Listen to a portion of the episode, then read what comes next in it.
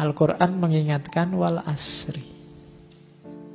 Wal asri innal insana lafi khusrin. Jadi demi waktu asar ini saya bilang. Atau kadang-kadang ya demi masa. Karena memang artinya bisa juga demi masa.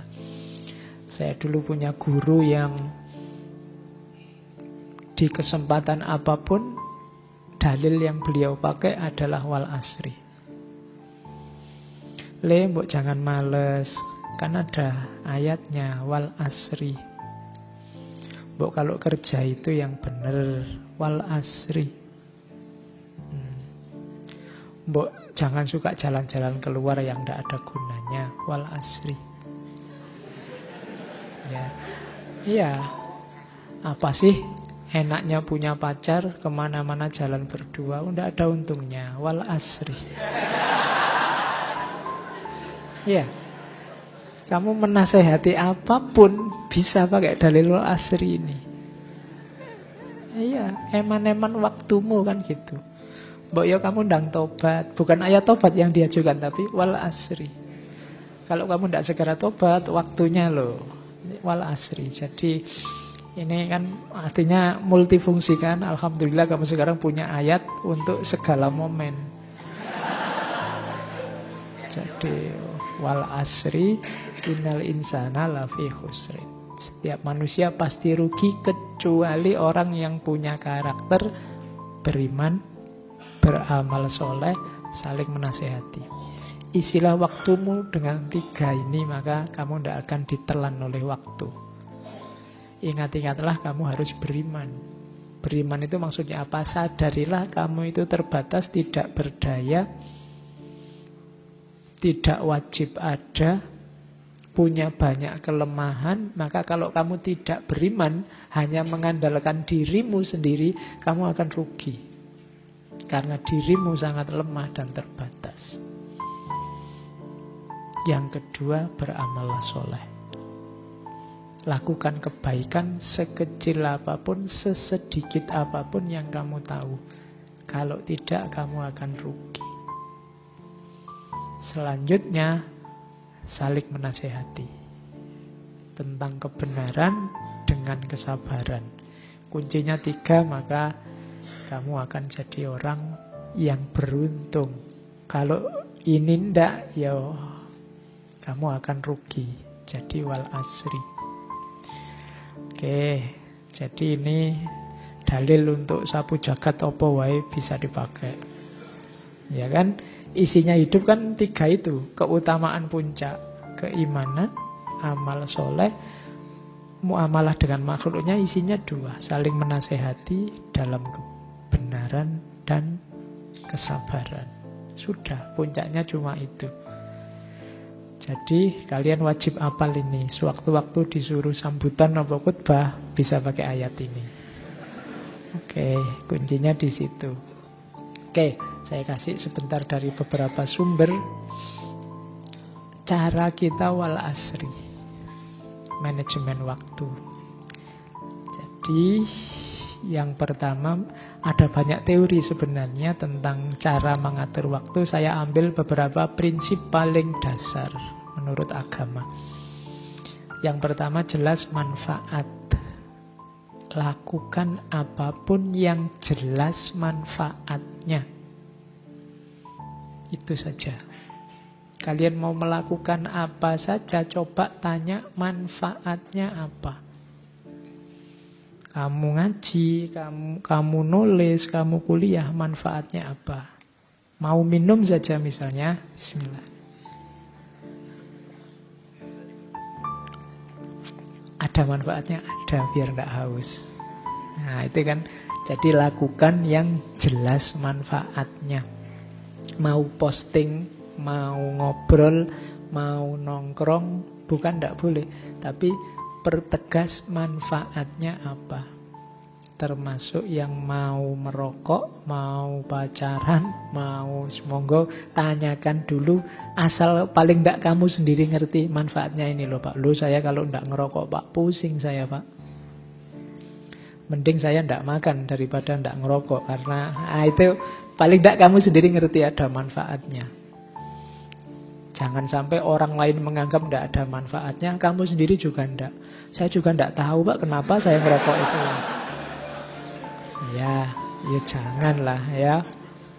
Jadi kamu harus tahu manfaat yang kamu lakukan. Ya dalil-dalilnya banyak. Kayak hadis itu kan nikmatani maub bunun fihi makasirum minan nasi asyikha wal faroh. Ada dua nikmat yang banyak sekali orang tertipu di situ, yaitu nikmat waktu luang dan kesehatan. Ini sering diceramahkan aktiflah melakukan kegiatan karena kebahagiaan itu ada dalam tindakan. Banyak orang ngomong bahwa, ah kalau saya kaya, saya tidak usah ngapa-ngapain. Hati-hati tidak ngapa-ngapain itu tidak enak. Yang enak itu ngapa-ngapain.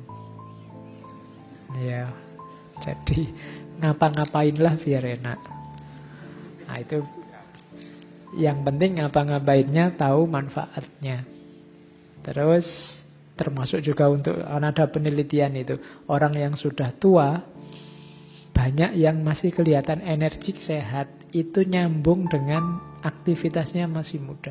Kalau masih muda aktif sekali rajin itu ketika sudah tua dia tidak bisa diam biasanya. Dan itu lebih membahagiakan daripada ketika sudah tua kamu diem. Tidak ngapa-ngapain. Loyo, energinya habis. Kayak baterai sudah tidak bisa dicas lagi. Nah, maka mulai sekarang kamu harus aktif. Dibangunnya mulai sekarang. Karena urusannya mental, saraf, dan pikiran. Kalau tidak jadi habit, ya waktu tua ya tidak usah ditunggu Pak. Saya sekarang mumpung masih muda senang-senang aja Pak. Besok baru serius Anda. Kalau tidak jadi habit tidak bisa. Begitu mau serius mulainya susah. Maka lakukan yang manfaat. Itu saya bawakan dua quotes dari Ibnu Mas'ud dan Hasan Basri. Ya lumayan untuk bahanmu kapan-kapan kalau disuruh kultum. Katanya Ibnu Mas'ud, ma nadam tu ala syai' nadami ala yaumin ghurbat syamsuhu nakuso fihi ajali walam yazid fihi amali. Tiada yang pernah ku sesali selain keadaan ketika matahari tenggelam. Umurku berkurang, tapi amalku tidak bertambah. Itu Ibnu Mas'ud. Katanya Hasan Basri, min alamati i'rodillahi ta'ala anil abdi ayyaj'ala syuhlahu ma la ya'nihi khudlanam minallahi azza wa jalla. Di antara tanda Allah berpaling dari seseorang hamba, Allah menjadikannya sibuk dalam hal yang sia-sia. Sebagai tanda Allah mencuekinya, menelantarkannya. Jadi hati-hati kalau kalian merasa saya itu loh pak, kesibukanku kok tidak penting semua. Tidak ada gunanya semua. Jangan-jangan Allah sedang mencuekimu. Kamu dikasih yang tidak-tidak penting. Kenapa bisa begitu? Karena Allah sedang berpaling darimu. Cepat-cepat kembali ke Allah. Kalau sangat banyak hal yang kamu sibukkan ternyata hampir semua tidak ada artinya, tidak manfaat untuk dirimu, untuk masyarakatmu, untuk agamamu, jangan-jangan memang Allah sedang berpaling darimu, maka cepat-cepat kamu kembali ke Allah. Itu nasihatnya Hasan Basri. Prinsip manajemen waktu yang kedua efisien. Ini prinsipnya orang modern. Kalau bisa multitasking, multitasking. Ada saya kasih contoh berapa ulama itu. Misalnya Khotib al-Baghdadi, ulama hadis. Khotib Baghdadi ini ke mana-mana kalau jalan bawa buku dan baca buku. Tidak ada waktu yang terluang. Jalan-jalan sambil bawa buku, mungkin rekreasi sambil bawa buku. Kalau kita kan hari ini bawa HP. Sekarang bawa HP tidak apa-apa asal HP isinya yang penting yang baik. Mungkin buku juga tidak apa-apa. Itu niru khotib Baghdadi. Ada juga Imam Sulaim Ar-Razi. Ini ulama Syafi'iyah. Satu ketika beliau keluar rumah, ada kepentingan. Tidak lama kemudian kembali. Sudah beres, Syekh kepentingannya sudah. Lumayan saya sambil menyelesaikan urusan bisa menghatamkan satu juz. Nah, itu kan multitasking namanya. Sambil diem santai sambil ngaji satu juz. Satu ketika pulpen beliau rusak. Pulpennya di apa? Ya diperbaiki, didandani, tapi sambil dandani pulpen rengeng-rengengnya ngaji. Untungnya dua, pulpennya beres dapat pahala. Itu namanya efisien. Kalau kalian kan paling sambil memperbaiki sambil nyanyi-nyanyi sambil itu. Ya enggak apa-apa sih multitasking Cuma yang satu dapatnya Blackpink sama apa idolamu hari ini Didi Kempot. Oke Terus Ya Bahkan ada yang saking memanfaatkan waktu Menu makanan dan durasi makan juga dihitung. Misalnya ada ulama Abdul Wafa bin Ukail Ini seorang ahli fikih madhab hambali. Beliau ngitung kalau saya makan kering, tidak ada sayurnya, dengan makan yang ada sayurnya, lebih cepat kalau saya makan yang ada sayurnya. Dicerna cepat, kemudian ditelan cepat, dan longgarnya di perut cepat. Itu beliau ngitung kira-kira selisihnya sekitar 50 ayat. Ngitungnya sampai selisih ayat. Jadi maka saya tak makan yang ada sayurnya sajalah. Nah, itu sampai sedetil itu ngitungnya. Oke, yo kalian bisa niru itulah. Saya milih yang ada sayurnya pak, kecuali kalau ditraktir. Oke, yang bahkan ada ini unik. Saya tidak tahu kalian kayak gini juga. Namanya beliau Abdul Barokat. Abdul Barokat ini kakeknya Ibnu Taimiyah. Itu kalau beliau masuk kamar mandi atau WC, Nanti saudaranya yang di luar kamar disuruh nungguin depan kamar mandi WC cuma disuruh baca buku keras-keras. Jadi beliau sambil di kamar mandi itu sambil dengerin baca buku jadi sambil mandi sambil nambah ilmu. Nah, ya, ya kayak kalian sekarang kalau ke WC bawa HP ya. Cuma itu menyusahkan yang ngantri. Boleh diikuti tipsnya ini nanti kalian di kos gantian. Siapa yang ngantri di luar baca buku keras-keras. Biar yang di dalam cepat keluar. Karena kalau semua ke kamar mandi bawa HP Nanti tidak keluar-keluar di dalam. Wong kamu di dalam kan nggak baca Paling main game kalau nggak gitu ya WA-nan Facebookan.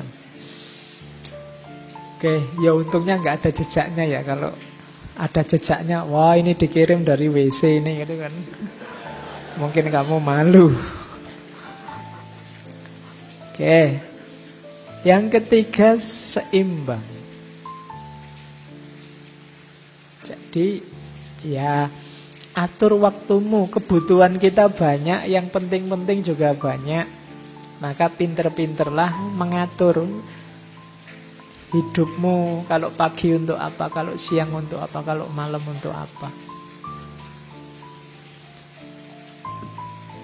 Itu ada hadis inna li rabbika alaika haqqon wa inna li badanika alaika haqqon wa inna li ahlika alaika haqqon wa inna li zaujika alaika haqqon fa'ti kulladhi haqqin haqqohu sesungguhnya untuk Tuhanmu ada haknya untuk badanmu ada haknya untuk keluargamu ada haknya, untuk istrimu ada haknya. Berikan haknya sesuai kadarnya. Ya jangan sholat terus di masjid terus. Tapi perawatan badan juga ya. Wong badanmu punya hak. Kalau sudah ngantuk ya tidur, kalau lapar ya makan, kalau haus ya minum. Keluargamu juga punya hak. Istrimu, anakmu juga punya hak. Berikan secara seimbang. Ini manajemen waktu kalau dalam Islam. Ada tips dari Nabi Ibrahim. Dalam sukhufnya Ibrahim itu ada kalimat orang yang berakal. Ini hubungannya sama pencari ilmu ya. Hendaknya mempunyai empat waktu. Yang pertama, waktu untuk bermunajat kepada Allah, waktu untuk introspeksi terhadap diri sendiri, yang ketiga waktu untuk tafakur merenungi ciptaan Allah, dan yang terakhir waktu untuk mengurusi kebutuhan hidupmu. Jadi kesehatan spiritual, kesehatan mental, dan kesehatan fisik semua diurusi secara seimbang. Jangan mentang-mentang sufi terus dunianya nggak diurusi sama sekali. Kan ada sahabat yang dimarahi karena di masjid terus. Jangan mentang-mentang filosof, filsafat, mikir terus. Diajak ngapa-ngapain nggak mau. Temannya kerja bakti, kamu mikir aja. Nah, ya, nggak begitu rumusnya. Imbang tiga-tiganya.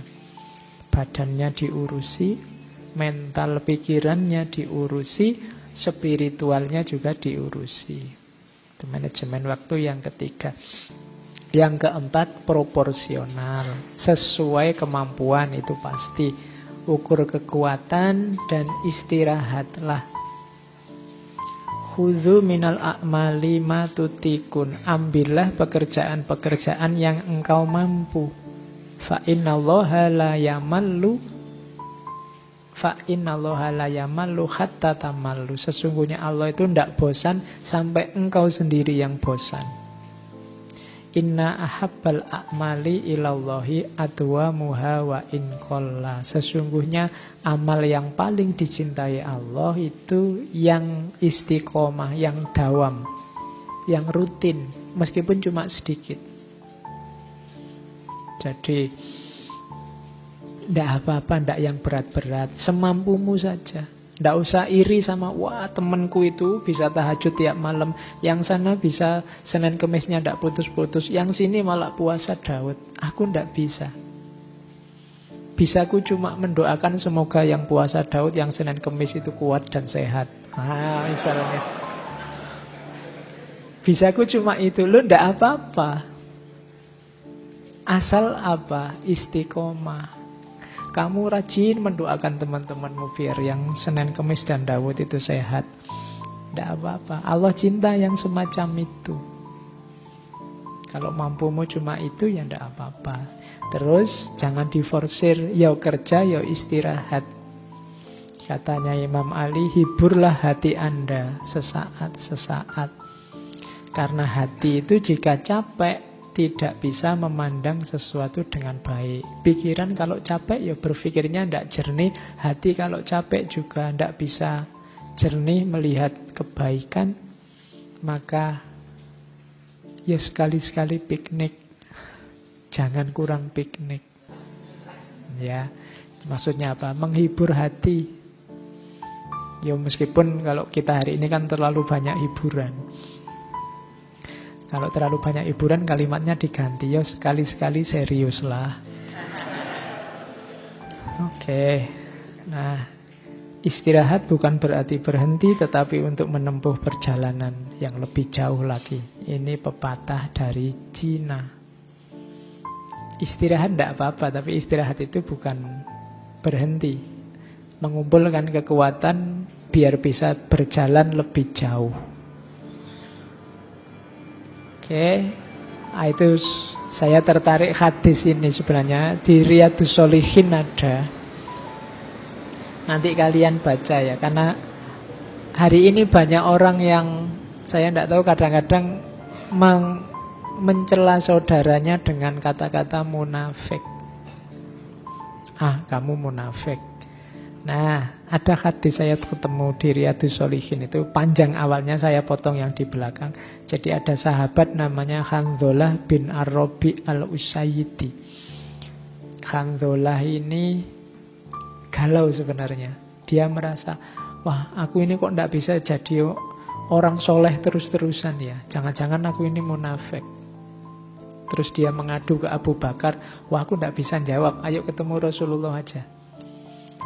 Terus diajak menghadap Rasulullah. Abu Bakar tanya pada Rasulullah, Rasulullah ini loh, Hamdulillah ini dia takut dirinya sendiri, dia takut kalau jadi orang munafik. Terus Rasulullah tanya, lah kok begitu? Alhamdulillah jawab, wahai Rasulullah, kita ini kalau pas bersama Rasulullah, bersama Tuhan, di sisi Tuhan, di sisi Rasulullah, terus panjenengan mengingatkan kita tentang surga, neraka, sangat jelas sampai seolah-olah bisa dilihat mata, bisa dilihat telinga. Saya itu rasanya tobat itu. Tapi setelah keluar dari sisi Tuhan, setelah keluar dari pengajian, kita masih juga main-main dengan istri, dengan anak, mengurus harta. Sehingga karena itu banyak yang kita lupakan tentang keduanya tadi.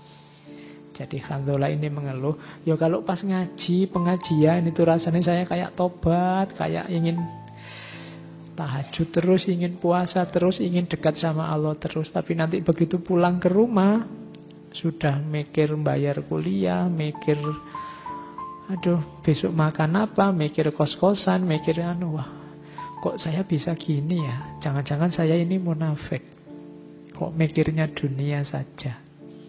Padahal tadi waktu pengajian tidak begitu. Nah, itu keluhannya Khamdullah. Nah terus Rasulullah menjawab, Demi zat yang jiwaku ada dalam genggaman kekuasaannya, kalau engkau semua tetap sebagaimana hal keadaanmu di sisiku dan juga senantiasa berzikir, niscaya para malaikat menjabat tanganmu semua.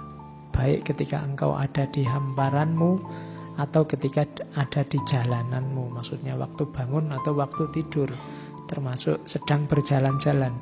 Tetapi hai handolah, kalau bahasanya Rasulullah, saatan, saatan saatan-saatan itu masing-masing ada waktunya.